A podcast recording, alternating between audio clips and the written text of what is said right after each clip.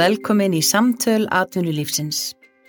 Umhverfismánuður atvinnulífsins er helgaður lofslagsmálum, innviða uppbygging orkuskipta, tækifæri og hindranir. Góðan dag og verið velkomin í sjónvarp atvinnulífsins. Ég heiti Andris Magnússon og er framkvæmtastjóri samtaka Vestlunar og Þjónustu. Umhverfistagur atvinnulífsins er í nóðuburmánuði og mun, uh, mánuðinu vera helgaður loftslagsvegvísum atvinnulífsins. Í nóðuber munu koma hingað í setti til okkar góðir gestir uh, og í dag ætlum við að beina sjónum okkar að stöðu innviða vegna orkuskipta. Viðmælandi minn í dag er hann Guðmundur Ingi Þorstinsson, framkvæmtastjóri Sölu og Þróunasviðs Orkunar. Verður velkomin Guðmundur. Takk. Til að byrja með, svona setjum okkar eins í stellingar um stöðuna, sko, hvernig metið þið hjá orkunni stöðu innviða? Eru innviðinni nógu öflugir hjá okkur núna til að íta undir og hraða orkuskiptum? Sko, það kann kannski ekki skrítið að tala um umhverfisdaga þá sé tekið fyrirtæki sem selur bensín og dísel mm.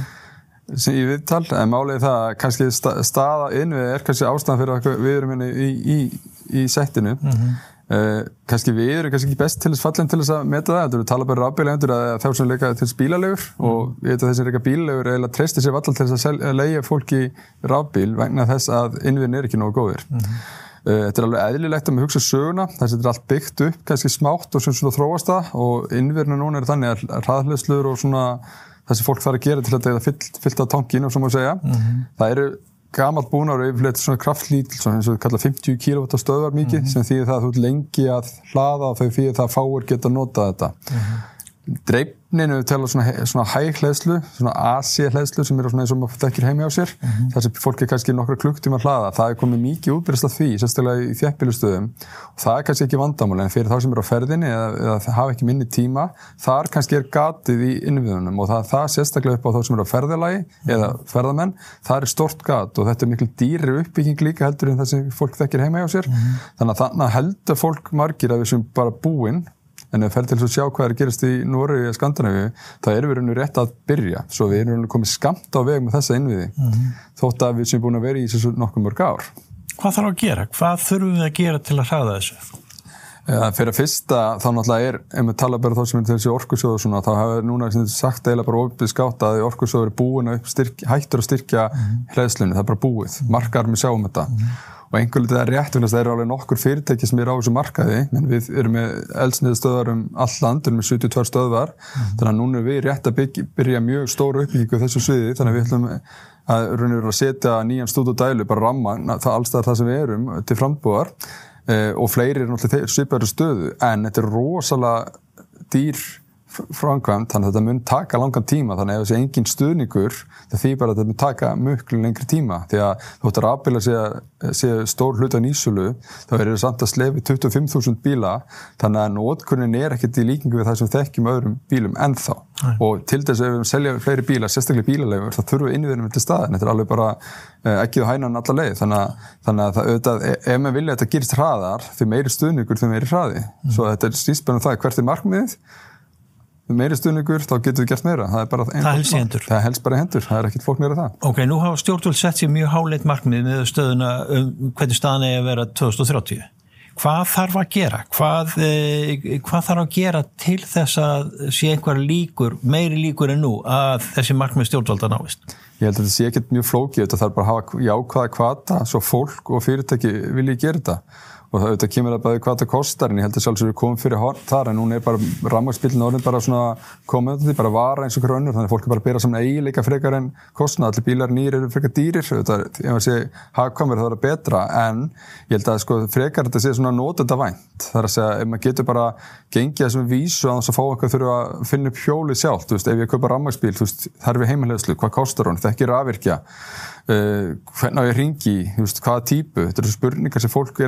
veist, sig eða bara eins og ég þekki bara úr vinni á mér, það er hjón. Henni langar rammarspil, ekki, ekki mannum vegna þess að það er ekki húsfélag í húsinu þau eru gömlu húsi, hvar fæ ég rammarni það er bori gati bílskurinn verða það nú ekki hljóðinnigröður, mun að leka. Svo hann segir bara, herri, ég vil lengur áhuga rammarspil þetta er ekki auðvelt, þetta er mikið hausverkur. Svo ef að fólk getur bara farið og hlaðið á næstu orkustöðu okkar tilfelli og bara eins og bensinbílinn sinn og er það 15 mínútur búin að hlaða bílinn og málið, er dögt, þetta er svo auðvelt. Þú þarft ekki að fá allan hinn hausverkin í, í, lofti, þannig að ef þetta sé bara þægildur fólk, þá þarf ekki að vera með hlæðslu kvíða eða annað sko. Þannig að sko, talandum kvartana þá, þá er þú ert að reyna að segja að það er að uppbyggingi er verið með þetta að bara alveg sem maður hefur farið með bílinn sín á bensinstöð og fyllt á þar þá eigi framtíðin að vera svo að þú farir á þessar hlæðslustöð og hlaði bíli það í staðin fyrir að, að leggja mikla fjárfyrstingu heima hjá þér. Já, ég myndi segja að það sé miklu auðvitað fyrir flesta, þetta er náttúrulega þeir sem er byggja ný hús og sjálfsög munir bara gera aðfyrir þessu included og allt það, þá er þetta svo auðvilt fyrir þá, en reynslan erlendis, sérstaklega í Nóri sem við komum lengri við því það að því eftir sem bílinu verða nýri og stærri batteri og hlaða hraðar, Já, já. það munum mun fleiri nota hraðlustöðunar og það er miklu kerfislega betra að búið til miðlaga höppa eins og þekkjum bara í, í, í dreifingu elsnitis, þetta er bara sambærilegt vandamál, nema henn er hlæðstíminn heldur lengri, en við þurfum bara að svipa magna af stúdum og svo maður segja til að geta hlaðið alla þessa bíla. Og ef fólki þekki þetta og getur bara gengið þess vísu í bara hleð rammagsbílinn eins og bensibílinn, þá er ekki þessi hlæðslu hví að koma upp eða allar þessar spurningar sem eru núna að velkjast fyrir mörgum að sjálfsögðu þeir sem hafa hlæðslu heima sem munu sjálfsögðu nýta hann oftast þau hafa ferðinni, það er alveg eðlilegt Nei. en það þurfi ekki allir að gera það, það er ekki samfélagslega hagvæmt. Ef við bæðum sjónum okkur aðeins að atvinnbílunum. Já. Nú var ekkit, er ekkit langt síðan að sko maður hafði það tilfinninguna að atvinnbílar, rútur og, og, og, og, og flutningabílar er þau knúni áfram af vettni eða öðru slíku. Nú hefur svo þróun greinlega stoppað og við erum fann að sjá hérna rafmaks uh, uh, vörubíla, rafmaks rútur á kvötunum og það mun klálega halda áfram. Hvernig eru innviðinir uh, tilbúin til að mæta þessari uh, breytingu? Þá erum við kannski ekki síst að horfa á svona þessar uh, vegalengdir hérna innanlands. Hvernig mun ganga fyrir vörubíla og rútur sem eru á leiðinni milli Akurur, Reykjavíkur og, og, og aðra svona fjálfarnar staði um landið að hlaða. Í dag er náttúrulega bara byrjunrið þannig ekkert af innviðunum hinga til eru undirbúið fyrir þetta þannig að þannig bara erum við alveg svo voru 2015 þegar fyrsta rammagsbylning kom. Er svo gott sem hins vegar ef við sjáum það hvað framlendur að gera úti þá er þeir að selja bílana í ákveðna leiðir þar sem búið að hugsa hlæðsluleðina fyrst. Og Ísland er það heppin þetta er raunum frekar afmarkaða leiðir og svo maður segja þannig að það er ekkert rosalega flóknu uppbyggingu til þess að geta mætt þessu strax. Til dæmis að stöðunum okkar sem við erum að byggja upp við getum tekið mútið rafmaks vörubil og fyrir degi eitt.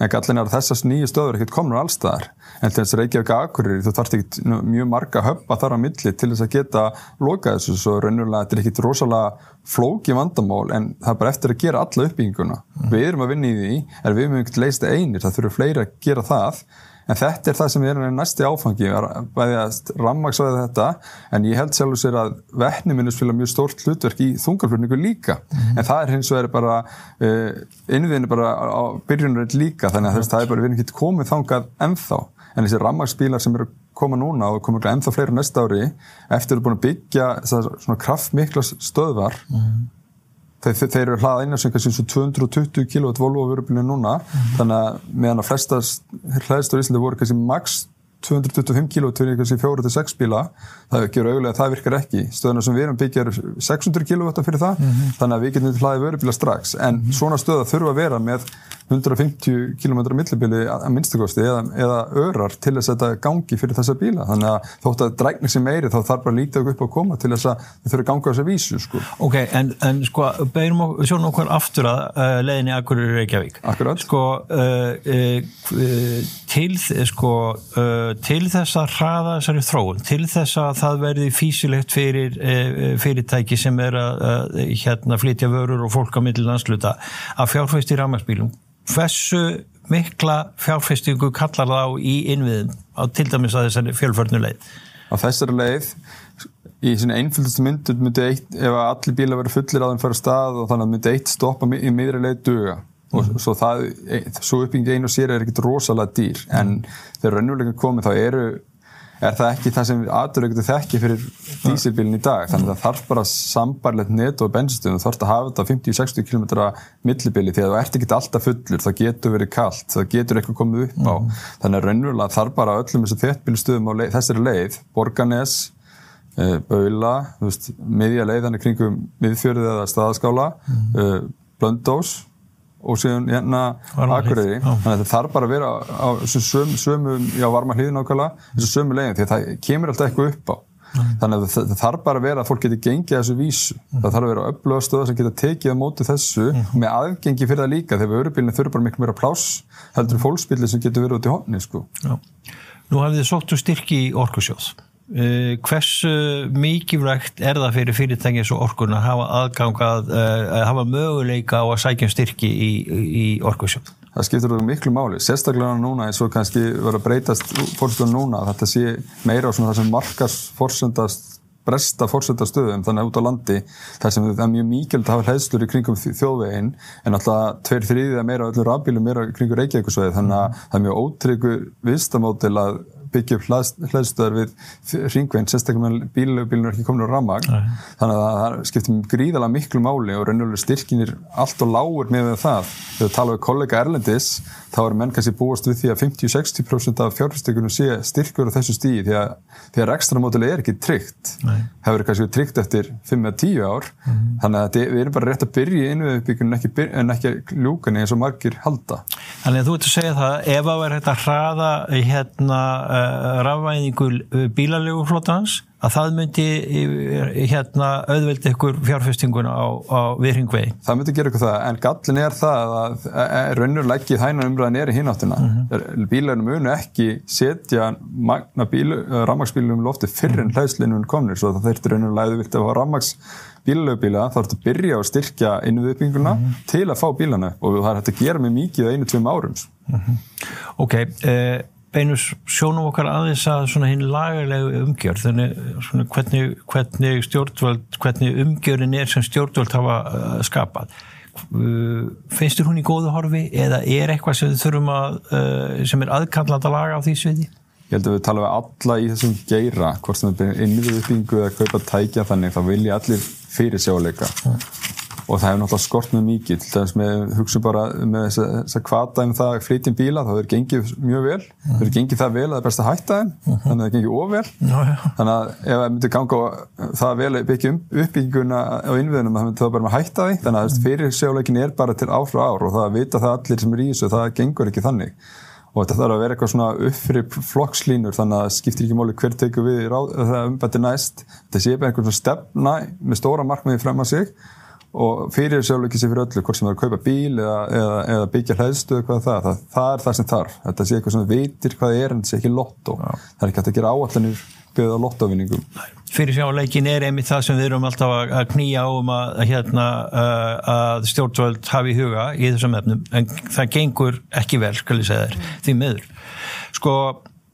nú erum við að fara yfir þetta svona holdabolt Eh, er eitthvað sem að svona einhver skilabóð sem vil segja, eh, gefa áhörundum að lokum svona bæði þá eh, einstaklingum og ekki síður atvinnlífinu hvernig við eigum að svona þróa þessi mál og hver er næstu skref og hvernig þú sér því raun og þróunina á næstu árum Ég held að við sem það heppin að bara, við horfum til Norex sem er komið lengst í þessu, þá getum við séð hvað munir gerast þar. Mm. Við Oslo er búið að taka burt helmingina bensinstöðlum og koma raflegstustöður í staðin. Mm -hmm. Það mun gýrast hér mm -hmm. svo við getum alveg lært að reynslu annara Íslingarna hefur nú ekki kannski búið blessun að gera það í ómiklu mæli gennum tíðina, mm -hmm. en við höfum allan að tækja verið til þessi dag. Ég held að þetta muni þróast meiri þetta verið net hlæðslu inn við bara svipa á bensinstöður í dag þannig að við erum bara á líkilstöðum það þarf kannski ekki að byggja jafnmarka stöðverður og höfburgarsöðun í dag en það þarf allan að vera bara þjætt net þannig að fólk getur gengið að þessum vísu og þannig að þá getur bara hlaðið bílinn eins og tegur bensín og þá er þetta miklu auðveldari innviðauppbygging og verður miklu auðveldara val fyrir neytundur að velja sér rammagsbíl eða einhvern annan orkugjaf, hver sem það verður. Okay. Ná, þá er bara komin að lokum, ég bara þakka í kjærlega fyrir spjallíkumundur og, og skæðir allsins besta. Ná, takk fyrir að bjóða mér. Eh, fyrir ykkur þá þakka ykkur kjærlega fyrir að horfa á okkur. Ég vil benda á að e, sjónvarpatvinnlífsins og hlaðvarpatvinnlífsins mun vera með þessa, e, þennan þátt og, og annan á hlaðvarsveitum sínum á næstunni. Ég hveti ykkur til að nýta ykkur þá möguleika sem mest. Takk fyrir.